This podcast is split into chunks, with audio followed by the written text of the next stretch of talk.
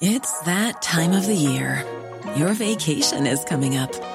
You can already hear the beach waves, feel the warm breeze, relax, and think about work. You really, really want it all to work out while you're away. Monday.com gives you and the team that peace of mind. When all work is on one platform and everyone's in sync, things just flow wherever you are. Tap the banner to go to Monday.com.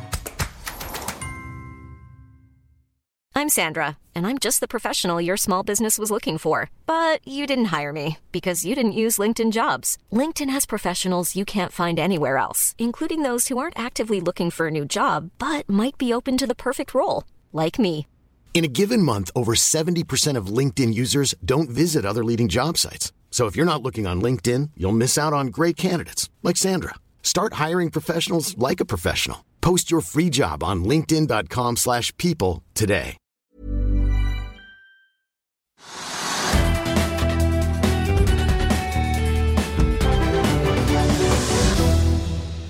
Og velkommen til Økonominyhetene, der vi skal snakke om Oslo Børs og aksjemarkedene. Men først en oppsummering av noen nyheter. Det ble satt en ny intradagrekord på Oslo Børs i dag, der hovedindeksen klatret over 1100 poeng etter lunsj i dag. Oljeprisen stiger svakt og opp ca. 0,1% til 69,5 dollar fatet for brentoljen. Et av selskapene som går mot utviklingen, er Norwegian, som er ned over 5 Flyselskapet stupte også i går, og aksjen handles nå for under 10 kroner. Dermed er det ikke langt igjen til emisjonskursen på 6,28 kroner. Også blockchain-aksjen DLT faller og er nå ned 5 etter å ha lagt frem tall tidligere i dag. På plussiden er Equinor, Norsk Hydro, Nel og Kahoot. Og også i Europa peker pilene opp, og det samme gjorde det stort sett i Asia i morges. Hvorfor er det så god stemning nå, Trygve? Ja, det kan du spørre om. Altså, det, det, er jo god stemning når det er all time high. Og det er god stemning når, når hovedindeksen er opp 1% Men jeg syns det er vanskelig å finne noe sånn mønster i det hele. da. Det var god stemning i går òg, for da var det også ja, mye men det er vanskelig å finne, Jeg syns det er vanskelig å finne et mønster. for det, det er som du er inne på, Oljeprisen er høy, da, altså nesten 70 dollar på fat. Det er positivt, men uh, oljeaksjene slår ikke veldig mye ut. da. Altså, så både de to største de, det er pluss-minus null, da, Aker BP og Equinor. Eh, så jeg, hvis du ser på kurslistene, ja, det er opp 1% men hvor er det liksom det slår ut? Eh, og det, kan, det klarer jeg ikke å finne. Det er fortsatt en god interesse for shippingaksjer, enten det er containerskip eller gasskip eller tørrlast, så er det god interesse. De er opp liksom alle sammen litt, så det, det er det interesse for. Det drar det litt opp. Så er det enkelte selskaper som er opp som er litt merkelig. Du, du var inne på så vidt Kahoot, altså, som har vært en, sånn, den har vært en spekulasjonsaksje, gått veldig mye opp og ned. Den har vært opp 2-3 i dag. Og så har vi Nell, som da er også opp, som er egentlig litt mysterium. At, også sånn 2-3 ja. ja. men det er litt mysterium, for det kommer da meldinger nå om at noen har sett på listene da, over da de, de shorting-selskapene vi har. Og Nell er det selskapet som er mest shortet av alle. Det vil si at det er store interesser da, i utlandet og i Norge og kanskje i Tyskland, hvor det er masse aksjonærer som driver og shorter Nell. Og da er det ganske godt gjort at den liksom da stiger 2-3% Når det blir kjent, da skulle man, og det er over det snakkes om 5-6% av antall aksjer, som er da liksom eid eller lånt ut til shorting. Så det er litt snålt. Men den er opp, og Kahoot, som har vært, ja, vært veldig mye å få ned, er også opp. Så da, ikke, da, da klarer ikke jeg å finne historie. Og så er det inne på Norwegian, hvor det da er kanskje 50 000-60 000 aksjonærer som er veldig ivrige. Veldig mye trading i aksjen, og den er jo da ned eh, rundt 5% og da under 10 kroner, som du sier. Og det var ventet. altså Den falt jo 50 i går. altså Det var liksom ikke et lite fall, det var 50 Det var spådd, også av oss, og også av andre, men det var spådd kraftig ned. Og så har den fortsatt ned. så da, nå, nå må, man finne en balanse mellom hva selskapet er verdt med tanke på fremtidig inntjening og kontantstrømmer, og de antall aksjer som er i selskapet, og de antall aksjer som er i selskapet foreløpig. Det er 700 millioner aksjer eller sånn men det kommer mer når da eh, en sånn rettet emisjon mot gamle aksjonærer eh, skal, skal, gjennomføres. Da kommer det også da flere da kommer det flere aksjer. og Da vil altså da verdien per aksje gå ned. Eh, så sannsynligvis er det et potensial nedover fortsatt for Norwegian. Så der, der er det ned. Og, der, og så er det noen underlige, underlige ting med Nell som da ikke går ned. Og så er det Kahoot som går opp, som har vært ganske spekulativ. Så hva kan man trekke ut av det? Ja, der så er det et par nye selskaper på Oslo Børs i dag. Eh, eh, M West Water. Ja, ja det har vært liksom vinneren på aksjen på børsen har vært opp over 10% og det selskapet som jeg ikke kjenner, men som da driver med rensing, altså metoder, teknikk for rensing av vann. Vann er viktig, og rensing av vann er viktig, og der er da den kjente investor Trond Moen i Bergen med på eiersiden. Eh, så det forklarer litt av oppgangen. At det er et nytt selskap. Det er kanskje priset slik at de hadde interessenter. Eller De har bedt noen være med første dagene for å vise litt interesse i selskapet. Og så er det det selskapet, det, det kryptoselskapet som DLT? Ja, det kan jeg ikke så godt, men ja. Det, det som både var gruve og, og krypto, det er også opp. Og så er det andre selskaper der hvor professor Tore Johnsen er med i styret. Det øh, Hva heter det igjen? Øh, krypt, ikke CryptoChain, men øh, Blockchain-selskap. ja. Det er også ja, vinnerlisten, men det er, det er små selskaper. Så det er vanskelig å forklare. Liksom. Så jeg sier bare at det er all time high. Det er bra. 1110 eller 1108 på indeksen. Og, og, så er det en del selskaper som går fordi at det er, det er behov for de, den type selskaper som shippingselskapene. Og så, og så er det spekulasjoner i, i krypto og den type selskaper som jeg har vanskelig for å se slår så veldig mye ut. Men uh, apropos dette med uh, container, altså sånn uh, shippingselskaper og sånn, så er det et på vinnerlisten i dag som heter MPC Containership, som er opp 2% Ja, men det, det, gikk dårlig i mange år og var en katastrofe. Bare går tilbake et år i tid. Og så har den fått med seg hele oppgangen nå, hvor da verden har eksplodert. Alt skal skje, alle skal frakte dit, varer hit og dit. Og man trenger da containerskip, for på containerskipet står det svære containere. 2000 eller 5000 på hvert skip. Eh, og de, de containerne er fulle av varer fra Kina eller USA eller Japan. eller hva det måtte være, og Så samles de opp da i havnen et eller annet sted i Kina, fraktes hit, og så fordeles de videre igjen. Og de, Det var en elendig business, fordi det var for mange containerskip i verden inntil ganske nylig. Og så nå som da verden våkner opp igjen og man skal frakte varer hit og dit, så er det midt i blinken. Og de prisene på containere også, og containerskip har gått rett i værs. Så egentlig burde man investere kanskje i den businessen nå? Ja, men nå er det litt seint, da. Man skulle, ja, man skulle, gjort det for et år eller halvannet siden. Da, da, da kom de nesten var konk alle sammen. ja, Da det var billigere. Ja. Men uh, ja, vi snakket jo litt om Norwegian. Og det, som du sier, dette har jo vært ventet. Det ligger jo på toppen av omsetningslisten i dag, så det viser jo at det er mange som fortsatt vil kvitte seg med aksjene. Ja, men det er også mange som kjøper, da. Det er, litt, det er litt mange som kjøper som selger. Så, ja, så, så, så, nei, men poenget er at folk har ikke skjønt det. Altså 50 millioner kroner blir borte i dass, som jeg sa i går fordi at man hadde tegningsretter som folk ikke benyttet. De skjønte ikke hva det var, sannsynligvis. Fikk da et brev om at nå har du to tegningsrettigheter i, i, Norwegian. Kjøp en aksje, og så gjorde de ikke det? Skjønte de ikke. Så fulgte de ikke nok med her eller i pressen eller for øvrig. Så der forsvant det 50 millioner kroner. Det er bare helt ubegripelig. Og så har ikke folk skjønt det at en aksje som kanskje har stått i 300 kroner, den kan da liksom ikke stå i 20 nå. Eller nå, så faller den fra 20 til 10. 50% på én dag. Fordi de skjønner ikke sammenhengene. Og, og det, er, det, er, kanskje litt vanskelig å forstå det nå når det er så veldig mange aksjer man snakker om. Når det kommer liksom 700 millioner nye aksjer inn i selskapet.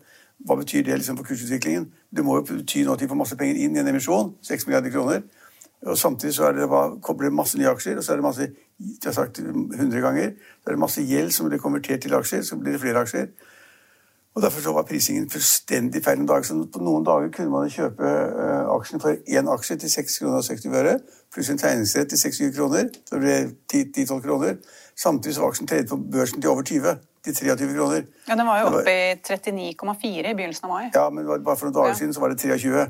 Samtidig at du kunne kjøpe, en, kjøpe en aksje og ta en tegningsrett, og da kostet den 10-11. Det var bare tull. Så den aksjen måtte jo ned fra 23 kroner, og det gjorde den, og så kom den. Og så falt den i går også. Men øh, hva har vi lært av det, egentlig? Eller hva burde folk ha lært av det? At de må sette seg bedre inn i det de kjøper? Ja, For det første så burde man kanskje vite mer, da, men det er jo veldig mye aksjonærer som ikke egentlig vet hva det er. Og så er det raske endringer. Normalt så er det jo ikke misjoner hele tiden. og det er ikke Normalt er det ikke slik at, at gjeld gjøres om til aksjer osv. hele tiden. Så man går helt sur for en, så man skjønner ikke hva man eier. Det, altså, man må passe mer på. Men så er det veldig sjelden at det skjer. Men det skjedde også i, i, i, i CM Offshore innen den veldig vanskelige sektoren. De har 50 skip eller sånn nå. Og og der falt kursen 90% i år. 90 eh, Og det kunne man ikke se på forhånd til det ble 90% men det man visste, det var at det ville falle ganske kraftig, fordi der skal også masse gjeld konverteres til aksjer. Så Istedenfor å ha gjeld, så var det der flere aksjonærer med flere aksjer eh, som, gjør, som redder situasjonen, for de behøver ikke betale renter og avdrag på aksjekapital. ikke sant? Men da måtte også den Det var altså snakk om flere milliarder aksjer inn i selskapet fra den gamle gjelden. Og da ville den falle, men Om den ville falt 50% eller 70 det vet jeg ikke. Og i dag jeg så på det i dag tidlig, så så jeg det at Cecilie Morse var opp 10% eller sånn. da. Men det er liksom ingenting. Det var justeringen av at den faller 90. Mm. Og hvis den faller 90, så er det ikke så veldig vanskelig å øke med 10. Eh, så, så det er vanskelig. Så lærdommen er det at liksom, den type selskaper hvor det er restruktureringer, nesten konkurs, øh, ny kapital, nye tegninger, så er det ingen som skjønner noen ting. Og da bør man egentlig holde seg unna. Jeg sa her har sagt i mange måneder at man bør ikke være i Norwegian-aksjen. Det er for farlig. Ja, og Jan Petter Sissener, som må sies å være en erfaren investor, han også, han advarer jo om det samme. da, At, man, at han mener at man ikke har forstått dette. Ja, man har ikke forstått det. Men han, han ville at- heller ikke gått inn på ti kroner ish. sånn som Nei, nå, men han sa det at liksom, den vil ikke komme tilbake til 300 kroner. Nei, altså, det det, det, det er, kan hvert barn si, så det er liksom tullete. Men poenget var å si, forutsi da, å si noe mer om hvordan aksjen ville, for, ville forløpe da fra 20 kroner til 10 kroner, eller fra 10 kroner til 5-6 kroner. Ja, Men det han sier er at han ville jo ikke gått inn på dagens nivå, nettopp fordi at det kommer masse nye kreditoraksjer Ja. i markedet. da. Ja. Så Altså, ja, Vi har samme budskapet, det er ikke det, Ja. men, altså, så, men dette burde vært fortalt for lenge siden enda tydeligere. Jeg synes, Vi har sagt det her i studio 100 ganger, 200 ganger. Vi kan ikke si det oftere. Så da, hvis, hvis kursutviklingen likevel da er så negativ som vi har sett, så skyldes det at folk ikke har skjønt det. Og så er det masse, masse mennesker som har tapt masse penger. Masse tradere. Syns det er gøy å Norwegian flyselskap om masse kjente mennesker og mye penger inn, og det er liksom kjempehot hele tiden. Og så skjønner de egentlig ikke hva de eier. De eier en andel av liksom aksjekapitalen. Mikroskopisk andel. Og denne, og denne verdien da eh, bak hver aksje blir jo mindre når du får 700 millioner nye aksjer. Men eh, man kan jo si at det som skjer i den aksjen, er jo ganske fristilt fra at verden er i ferd med å åpne opp, og at de kan sikkert begynne å fly igjen eh, snart. Ja, men det Hadde det ikke vært for det, så hadde det vært gått, gått enda verre. Da hadde kursen sunket som barakkeren. Og da hadde de kanskje ikke fått noen investorer i det hele tatt. Men her er det slik at ja, folk vil fly mer innenlands i Europa. Kanskje også øh, langdistanse, kanskje. Men det tar jo tid. Men det blir bedre. Men de hadde jo 150 fly, og nå har, nå har de kanskje 50, har jeg hørt, men det syns jeg høres veldig mye ut. For de begynte, da de begynte opp etter liksom den verste restruktureringen, så begynte de med fem-seks fly. Altså, så, ja, så man, altså, altså, mens denne perioden har pågått, med disse refinansieringene og alt det, det som har vært, så har det kommet et par nye flyselskaper som ennå ikke har et eneste fly i luften. To selskaper uten fly i luften. Og så har du SAS, som tapper masse penger. Tapte to milliarder kroner i første kvartal. Fått mer penger fra den danske regjeringen, mer penger fra den svenske regjering. De skal fighte hele tiden. Så det, det er noe å ta det for. Ja, det åpnes opp, man skal fly mer, skal reise mer. Vet du, nordmenn stort sett kommer til å hjemme, men det er noe helt annet. Uh, reise I hvert fall nå i sommer, da. Padle, ja, i sommer, Ja. og padle og gå i fjell og Lofoten og Vesterålen og Nord-Norge og hva som helst. Men, men, så, men det er positivt. Men negativt er at konkurransen øker ved at det kommer to nye flyselskaper i det lille norske markedet. Det er negativt. Og så er det negativt det at du da får eh, enda flere aksjer i selskapet. Og ikke glem Wizz Air. Men det er jo kanskje ikke så det det, det, er det femte selskapet, da. Ja. Som også har sagt at de skal øke på det norske markedet, men de avventer litt. De var inne og så gikk litt ut. For de fikk, mye kjeft fordi at de, de fag, det, ble ant, det ble sagt da at de, de som jobbet der, ikke fikk lov å, å bli fagorganisert mm. fag- fagorganiserte. Det var negativt. Nå har de sagt at nå kommer de tilbake. Og de kommer helt sikkert tilbake hvis trafikken tar seg opp. Eller ikke bare fra Norge til Ungarn eller Polen, men fra rundt i landet. Så da skal fem selskaper surre rundt sammen videre. Ville du fløyet Wizz Air? Ja, absolutt. Hvorfor skulle jeg ikke det? De har akkurat samme flyene, akkurat samme flyverne sannsynligvis. Ja. Nei, jeg vet ikke. Jeg er ikke så glad i sånne løsninger. det, det, det, det flyverden har lært oss, det er jo det at flyselskapene har jo de samme flyene, enten det er Boeing eller Airbus eller hva det måtte være. Flyverne går på de samme skolene, de bytter seg mellom altså, Flyverne og kabinpersonale kan sannsynligvis akkurat det samme. Så det er liksom Det kommer kanskje fra forskjellige land, da. Ja, men jeg, jeg, liksom, de som sitter forrest i flyet, flyverne og sånn, de, jeg tror ikke de tillater noe mer slurv med service og verksted enn de hvis de kommer fra Ungarn eller Budapest eller om de kommer fra Oslo. Det tror jeg ikke noe på. Det som er mest irriterende, er når du plutselig må betale masse ekstra for ting som du tror er helt Ja, ja, normalt. ja, ja, men det har man gjort med flyselskapet ganske lenge nå, da. Derfor er det ikke noe vits i å ta Ryanair. Men det blir, så, det blir, det blir, sannsynligvis blir konkurransen så hard at du vil synes alle, alle de tilbudene de kommer er lave og billige. Men er det noe annet du har sett på børsindeks som du har begynt å merke nei, nei for nå har vi vært gjennom de viktige selskapene, de, de sentrale selskapene. Så det Nei, jeg tror ikke det. Ja, nei.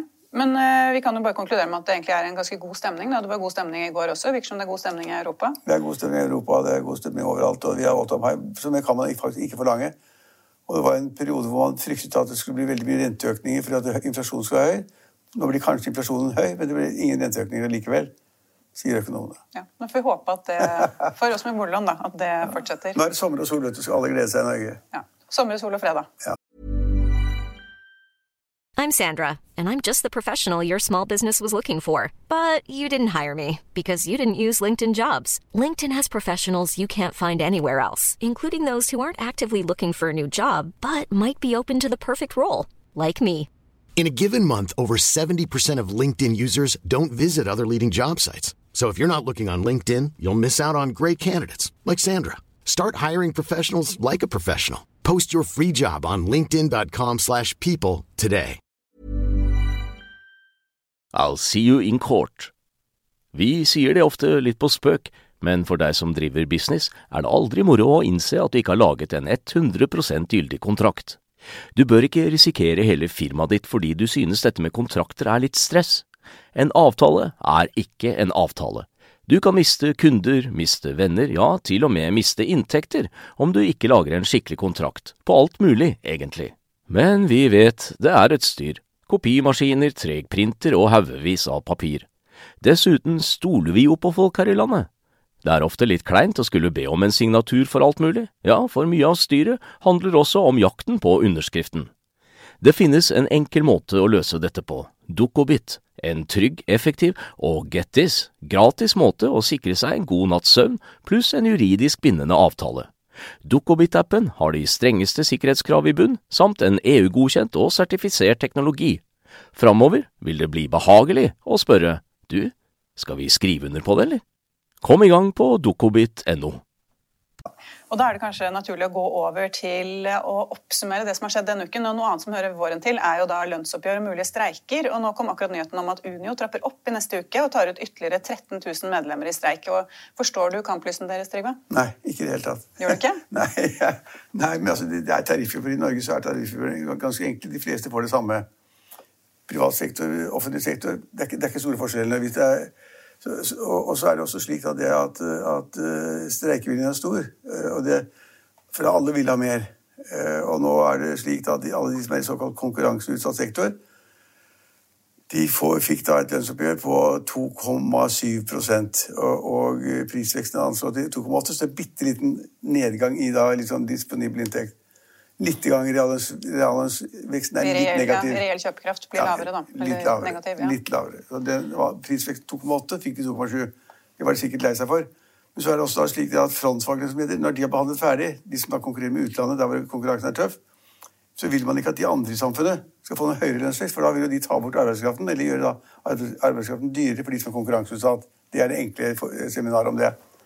Eh, og Derfor kommer ikke de, de som streiker til å få noe mer. Men så sier lærerne, og kanskje sykepleierne, men mest lærerne, at det er dårlig rekruttering. Det er for få lærere, det er for, det er for mange lærere som er ukvalifisert, burde ikke være der, osv. Jeg er litt skeptisk til de tallene der. altså Hvis det er, hvis det er 150 000 lærere, så, jeg er ikke sikker på at det er så veldig mye mangler, men de sier det. 10%, 10 mangler der, 10 mangler der. Og så gikk de til streik. Det var litt overraskende. Men er, vi snakker om 600 000-700 000 mennesker da, i, i, kommunal og statlig sektor.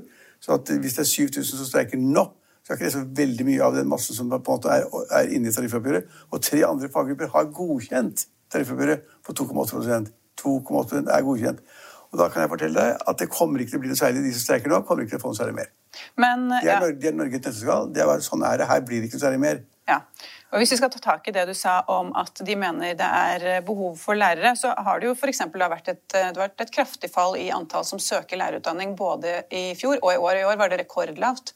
Så det kan jo kanskje tyde på at man trenger et løft da, for å gjøre det litt mer attraktivt? Ja, men kanskje de, kanskje de, ikke er så veldig smart hele tiden å snakke om at det er så fælt å være lærer og tjene så dårlig. Og Fordi du mener at det ikke er riktig PR-budskap? Ja, kanskje PR-budskap burde være at du har to måneders ferie, god, tid, god herre over din egen tid lære mer, masse rart. Altså, kanskje læreryrket er spennende og morsomt, og man burde være der, og man er faglig velkvalifisert, enten man er matte eller norsk eller engelsk eller fransk. eller hva det måtte være. Kanskje jævlig negativ hele tiden. At det er så fælt å være lærer. Det er ikke fælt å være lærer. Du må forholde deg til ekstremt mange vanskelige foreldre, sannsynligvis. ja, det, det, jeg, jeg, jeg, men jeg, jeg syns budskapet deres er feil. Uh, og hvis de, hvis, de, hvis de, tror nå det at uh, de kan kreve et høyere tarifftillegg nå enn andre fordi de skal liksom få, få opp rekrutteringen, Altså, det er jo ingen som stormer til læreryrket hvis de nå helt teoretisk skulle få et lønnsvekst da, istedenfor 2,8, få 2,9 eller 3,1. 0,1 prosentpoeng? Uh. Altså, det, er, det er bare surr. Og de får ikke mer. Altså, det vil myndighetene, sammen med da Riksmeglingsmannen, sørge for at når de nå streiker, så blir de kalt inn til tvangsmegling osv. Og, så og hvis de ikke blir enige der heller, så vil da staten kunne gjøre én ting. Det vil si at det er liksom fare for helse, helse og sikkerhet. Da vil de oppheve streikene. Da må de gå tilbake til, til, jobben, og så får de det som de 2,8 prosentene. Så de lager nå en sånn halleluja, i særlig lærerforeningene. avdelingene, avdelingene lagde et veldig sånn halleluja. At liksom, nå må vi få den lønnsveksten, for nå må vi få på rekrutteringen. Det er bra. Jeg håper de får opp rekrutteringen. Da må de snakke litt mer positivt om læreryrket. Og så kommer de ikke til å få noe særlig mer enn de andre. Og så streiker de med gule vester og ser veldig stolte og gøyale ut en uke, og så er det slutt. Men, uh, og hvis de mot formodning skulle fortsette, ja. så kommer de, det er jo sommertid. Ingen, I Norge er det ingen som går på skole om sommeren. Så da er jo alle sammen, da er det sommerferie, faktisk. Du og ungene dine har sommerferie. Ja, Det er ikke før om fem uker. Ja, nei, men altså... Det er en lang streik hvis det er fem uker streik. Ja, ja, altså. det er kjempelangt. Og, man, men det, og dit kommer man ikke. Men hvis man skulle kommet dit, så er det ikke noen elever, og Da kan du bare sitte og passe på skolegårdene, tomme skolegårder i, i halvannen måned hvis du vil det. Ja, dette er barnehagen, da. Men, ja, det er barnehager men det er sykepleiere, og det er lærere. Ja, ja. Men eh, hvis man ser på inflasjonen da, som et uh, argument, så er jo da inflasjonen i april år over år var jo på 3% Så sånn sett så er det jo en negativ utvikling for dem. Da. Ja, men det kan godt tenkes at de 3% synker til 2,8 eller 2,6. Det avhenger av prisutviklingen resten av året. Mm. Men det, man vil jo gjerne ha en reell Nei, ja, ja, De fleste vil ha det, selvfølgelig ønsker man det. Men altså, nå, er man, nå, er man, der at man sier at det er tøft år for Norge. tøft år for veldig mange som har. Og Det er et poeng som de lærerne og sykepleierne ikke vil høre på. Det er at De har jo 100 trygge, trygge jobber. Det er ikke én lærer som er permittert, det er ikke én sykepleier som er permittert, det er ikke én hjelpepleier som er permittert. Men mange privat sektor. altså det var, For det første var det 400 000 mennesker uten jobb. Så folk mister jobbene sine. Det er en ting, De mister jobbene sine. Og så er det en stor annen gruppe som da har fått lønnstilslag. for Når du permitterer, får du ikke 100% lønn. Du får liksom noen og 60 66 eller noe. En periode, en periode fikk 80, så ble det satt ned til, til så er det 64 eller noe sånt nå. De mister masse av lønnen sin, de kan miste jobben sin. Og så er det da lærere og sykepleiere som har tøffe utfordringer og tøffe jobber, men de kan ikke miste jobben. De har, de har, men de har en pris. Ja. Men de har en pris. Men, men, eh, de vil vel kanskje føle at de har vært eh, utsatte nå det seneste året, da, med tanke på at de faktisk har stått i front og uh, vært utsatt for mye smitte? Kanskje, men de har mistet ikke jobben. Nei, men de har jo vært utsatt for et psykisk press, da, tenker jeg. Jeg kan fortelle om 100 000 andre som har mistet jobben. Er ikke det et, et psykisk press? Jo. Du har ikke penger til å betale lån og avdrag på huset ditt, du har bil, billån, du har masse rart du skal gjøre noe med ungene dine. Masse rart du skal gjøre. Det er et psykisk press av dimensjoner for mange. Læreren er et godt og flott yrke, sykepleieren er et fantastisk flott yrke, men de har ikke noe særlig å klage på. De kommer til å få det samme som de andre, og de andre har mistet jobbene sine, de har gått, ned, de har gått ned i lønn, og de har sikkert hatt like mange psykiske problemer som lærerne. Ja, jeg vet ikke. De har jo sin, de har utfordringer på hver sin måte, da. Ja, ja, men det vet ja. vi. Det vet vi. Men øh, øh, egentlig så burde da frontfagene gjort en bedre jobb, da? Ja, altså Frontfagsmodellen så har jeg alltid vært litt skeptisk til, for den binder så veldig. og Det er, liksom, det er, ikke, det er ikke noen norsk lov som sier at liksom da fagforeningene og NHO og staten skal liksom bestemme seg sånn, sånn makttriangel. Ja. De, de, skal bestemme alt, og at vi har da frontfagssystem, og det skal vi følge. Det står ikke i loven noe sted. Det er bare en hevd, en måte å gjøre det på etter flere tiår. Uskreven lov. Og jeg mener at det binder veldig, men det har sikkert vært ganske god, godt, altså det har vært bra for Norge. Vi har fått en, en lønnsvekst totalt for landet, som har gjort at eksportindustrien, de som skal selge varer og tjenester i utlandet, at de har kommet bedre ut av det. Og det er veldig mange ansatte i den eh, eksportindustrien. Og så, så, sannsynligvis har det fungert godt, men det er sånn, litt sånn diktaturaktig. Det er jo litt kjedelig hvis frontfagene får da en for lav økning, og det da går utover alle andre. kan aldri få for, de får det som markedet kan gi, det som de forhandler. Ja, men tenk på For lærerne så er jo det litt kjedelig å komme etter. Ja, det er alltid kjedelig å komme etter, det er jeg helt enig i. Derfor har jeg vært er ikke så veldig begeistret for det frontfagsmodellen heller. De kommer etterpå, de må finne seg i det. Det som er det interessante, er at hver, gang man har tarifforhandlinger, nå er det et år til neste gang, da, nå er det mellomår, så tror noen grupper at de fremdeles, til tross for franskmarkedsmodellen, til tross for Riksmeglingsmannen og til tross for at staten griper inn, så tror de at de skal få mer allikevel. Så holder de på å surre rundt disse streikevaktene og streikejakken sine igjen i to uker, og så er det slutt. Ja, jeg håper i hvert fall for min del at uh, de kan bli enige før Det er vel da neste uke at de eventuelt tar ut flere i streik. Ja, nå har de tatt ut, Det var jo 7000 i går. pluss 13 000 neste uke. Da. Og nå kommer det noen flere neste ja. uke, men så blir det slutt. Men uh, ja, nei, fordi nå har jo barnehagen akkurat gått tilbake til nesten normal åpningstid. Så hvis vi skal ta en streik etter én uke med normal åpningstid, ja, så blir jeg jo deprimert. Ja, ja det, men det skjønner jeg faktisk. Det er komplisert. Ja. Men, men er, vi kommer veldig raskt nærmere sommerferien, og der kan det streke så mye de vil, for da er alt stengt. Ja, Det er en stund til nå, da. Nei, det er ikke en stund til. det er i slutten av juni. Da. Det er, det er, er tre-fire uker. Men en ting som er veldig hyggelig da, som har skjedd denne uken, er jo at Oslo og da skjenkingen endelig har åpnet igjen etter nesten 200 dager med stengte kraner. Har du feiret det på noen måte, eller? Nei, ikke i det hele tatt. Men jeg syns det var kjempeviktig. Jeg så det at det var kritikk at Erna Solberg hadde feiret det sammen med noen venner på en restaurant som ikke hadde vært stengt. Ja, men den restauranten var jo da i tillegg eid av hennes Ja, tidligere statssekretær ja, og masse ja, andre folk det- kjenner. det- sånn er Norge. Noen kjenner noen Men, altså, men det hadde ikke vært stengt. Det syns jeg var et litt morsomt poeng, da. Men, men det var på tide at de gjorde det. Altså, Oslo lå etter, og, og restauranter, som du helt riktig påpeker, hadde, og, og barer og annet hadde vært stengt i 200 dager. Ja, 197 Ja, ish. så liksom Ingen inntekter, bare utgifter. Stenge ned. og mange er på, Det ble sagt at det skulle, at det skulle bli en konkursbølge. eller noe. Det ble det ikke. De har brukt alle sparepengene, lånt av venner, lånt av mor og far, vært i banken, brukt alt de har, for å holde liv i virksomheten da liksom flere hundre dager. For å komme, komme da liksom nå i full fart igjen. Og da, nå kan man da I Oslo kan man skjenke til ti. To, ja, 10. 22. Ja, og så er det noen stenger som fremdeles er til klokken tolv. og så Nå behøver man ikke spise samtidig, man kan stå faktisk sammen og ta et glass øl. og stå ved et bord, sitte ved et bord.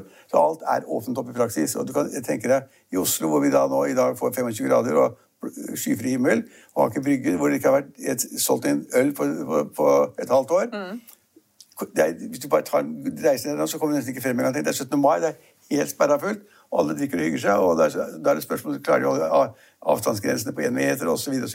Klarer de å ta kapasiteten ned istedenfor å fylle opp? De må nemlig ta kapasiteten ned. Og de har færre bord, og alle må vel sitte og sånn. Ja, så, så, Og, og, men jeg tror liksom da serveringspersonalet de må ha munnbind på seg når de løper mellom bordene og sånn. Og, ja, det, det er litt komplisert, men vi har åpnet opp, og de er bra. Og det er jo i Norge altså, jeg, vet, jeg vet ikke altså, vet folk hvor heldige vi er i Norge? Vet du, hvor mange er på sykehus i Norge? Eh, Etter det er usikker. altså, usikker. hva? Jeg vet ikke. Nei, 40? altså, Du leser om andre land, da. Ja. I India eller Ja, men det Storbritannia eller USA. ja. Ja. ja, men altså hvor alt er liksom booket inn, og der finnes ikke folk løper mellom Alt er fælt. I Norge er det Hvor mange er det på sykehus som har rammet av pandemien?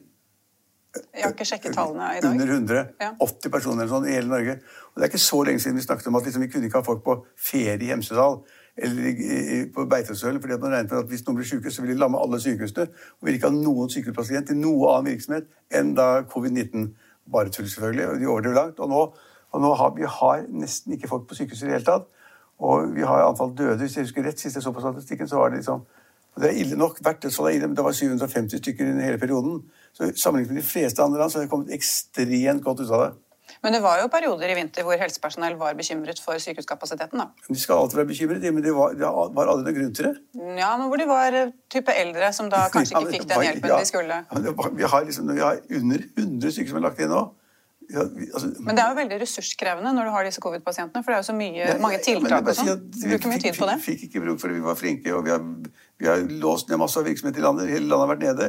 Hotellene langs hele kysten opp til, til Nordkapp har vært, liksom vært stengt. Har ikke fått, har, trafikken har falt 90% Drosjesjåfører har falt 90 Det er liksom ikke et menneske som har tatt drosje fra Oslo til Gardermoen. ikke sant? Det er, det er krise. Det er liksom alle småkafeer, restauranter, drosjer, turistnæringer, utleie av uh, hundesleder, bikkjer padling Alt har vært låst ned. Nå åpner det opp, og det er ganske morsomt. Og det, og det kommer til å bli en kø i bookingselskapene for å få da ferieplass i sommer. Ja. Nei, det er bare å gi opp, i hvert fall å leie hytte. Det er jo Ja, ja, det ekstremt dyrt. Ja, Det koster jo 40 000 i uka for enkelte steder, sannsynligvis. Ja, men ja, sånn- med sånn ekkel svart skinnsofa. Så det men nordmenn vil være i Norge. Vi tror ikke at det er over i Frankrike, vi tror ikke at det er over i Spania, vi tror ikke at det er over i Italia. Selv om vi leser, altså leser meldinger om det. Vi ser også innslag på, eh, i, i nyhetssendingene. At liksom de begynner å fylle opp strendene, de begynner å sitte på restauranten osv. Men vi ikke noe på det. vet du. Ja, men det er vel karantenehotell også som stopper veldig mange. De gidder ikke å reise hvis de plutselig må sitte ti Nei, dager nei på hvis sånn man skal nei, sitte ti, karantenehotell. sitte ti dager i karantene hvis man kommer hjem. Nei, men det, jeg tipper at det går ikke mer enn to-tre uker. Så vil det være reisepass, sånn va- va- vaksinepass. til folk. Og da får man lov å reise inn i hele EU, og da blir det fart på det. Men var det ikke noe med at eh, karantenehotell er mot EØS-reglene også? Jo, det er kommet, det er kommet men Ja. det, er, det er noe historie, da. Altså det, vi har de reglene vi har. Norge vil stoppe da den, den eh, smitten, importsmitten, som vi kaller det. Det vil vi gjøre. Men jeg tipper at det bare er to-tre uker til man får en form for vaksinepass, som da vil bli anerkjent innen EU. Vil si at alle innbyggere i EU får lov til å reise til hvilket land de vil innen EU. Og det vil også gjelde da tyskere til Norge, nord nordmenn i Tyskland. Det kommer. Men min spådom er hvis karantenehotellene forsvinner, og at, eh, at mange får vaksiner, så reiser vi til utlandet igjen. Ja, men jeg tror tid. Vi er så veldig opptatt av Vi er så veldig flinke. Vi vil ikke ta så store sjanser. Men hvis vi får vite det at, at det stedet vi reiser til, da, den byen eller det landet, at liksom da 80-90% har vaksinert seg, og vi i Norge har 80-90 da er det ingen som blir syke, da. Da kan du reise hvor du vil. Men tilbake til dette med at uh, restauranter og sånn ikke har gått uh, konkurs. I hvert fall ikke i like stor grad som det man fryktet. Jeg fikk en melding fra en venninne rett før vi gikk inn i studio her, som hadde kjøpt seg et glass hvitvin i solen til 175 kroner. Ganske stiv pris. Kanskje det er sånn de tar det igjen? Det er veldig morsomt poeng. Jeg tror også at de fleste hoteller og andre og også serveringssteder kommer til å ta igjen litt på prisene. for nå skal, altså De bestemmer de prisene selv. Så vil man selvfølgelig da ikke skremme bort kundene. Men det vil bli høyere priser overalt, for man skal ta igjen litt av det som har tapt i løpet av over ett år. Altså fra mars den 12. 12. mars til nå. Det er ganske lang tid, det. Og over halvparten av tiden har de fleste stedene vært stengt hele tiden. Continental i Oslo er sentralt, altså Continental er sentralt midt i Oslo sentrum. De stengte jo ned de første dagene i november. Så er det åpnet nå. Hva skal de ta igjen, liksom? Det er vanvittige greier.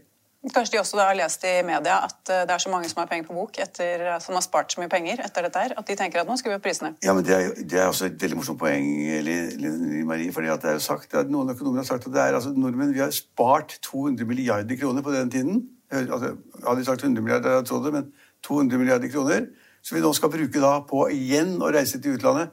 Og ikke bare bruke på biler i Norge, biler på båter i Norge eller biler på, bruke på norske hoteller. Vi skal bruke det på alt mulig rart. Kanskje bruker man da mer, også, mer også da, på hoteller og spisesteder og alt mulig rart. og klær og hva det måtte være. Vi har masse et u, altså udekket behov av innkjøp som de kommer til å bruke nå. Ja, jeg føler at jeg har gjort mitt under pandemien for, å holde, nei, for å holde forbruket i gang. Posten og alt. Men, eh, men, det jeg ikke forstår, er at det er jo veldig mange som har brukt penger på å pusse opp, kjøpe nye biler. altså Bilparken rundt eh, hos oss er jo oppgradert voldsomt. Veldig stor hobby. Ja, Så jeg skjønner ikke helt uh, ja, Men det må være de som Nei, pleier å reise mye, da, som har spart? Ja, men, vi reiser jo masse. altså Bare ta Norwegian, som jeg snakket ganske mye om. Det var et stort selskap, 150 fly. Vi nordmenn dro verden rundt altså for 350 kroner eller 290 kroner opp og ned i Norge til utlandet i ett sett. Altså, de flyene var fulle hele tiden. I tillegg til SAS-flyene, selvfølgelig. I tillegg til Wizz Air, som, som, du nevnte. I tillegg til Widerøe. Men eh, Norwegian var et selskap som altså Vi nordmenn vi er helt reisegærne. Så vidt jeg vet, er det statistikk som viser at det er ingen som reiser så mye som nordmenn per innbygger i året eller per mye de tjener, eller hvordan du definerer det. Ingen reiser, som vi nordmenn. Vi var på Londons tur i helgen, i Paris i helgen, og vi var i Nis, og vi var i Barcelona, og vi tok til New York på helger, helger. Altså, Vi var overalt og brukte penger på det. og det, det kommer vi ikke til å bruke en del penger på i fremtiden, men vi, det tar litt tid. Og så har vi, som du sier, brukt masse penger på det. Liksom, Biler, hytter, båter. Og hjemmevei, og pusse opp hjemme. liksom vært, altså, så Alle byggsentrene har jo solgt mer spiker og maling enn noen gang. Eksplodert, ikke sant? Fordi i stedet for å sitte og se i veggen eller ha hjemmekontor, eller late hjemmekontor, så var malt og pusset opp og spikret. Men så blir du lei av hjemmekontoret ditt, da må du pusse opp det, ikke sant? ja, men man har brukt pengene på noe tror jeg ganske fornuftig, på bolig og hytter og hva det måtte være. Og så har man da blitt lei av det, og så vil man da ut i jobb, gjerne tilbake igjen, og så har man ganske mye penger, og de vil man bruke. Da får vi se om da de blir brukt til 175 kroners hvitvinsglass i Oslo sentrum. da. Ja, Det hørtes mye som meg. Ja, Det syns jeg òg. og det var det vi hadde i dag. Vi er tilbake på mandag klokken halv fire. Vi ses da, og ha en strålende helg.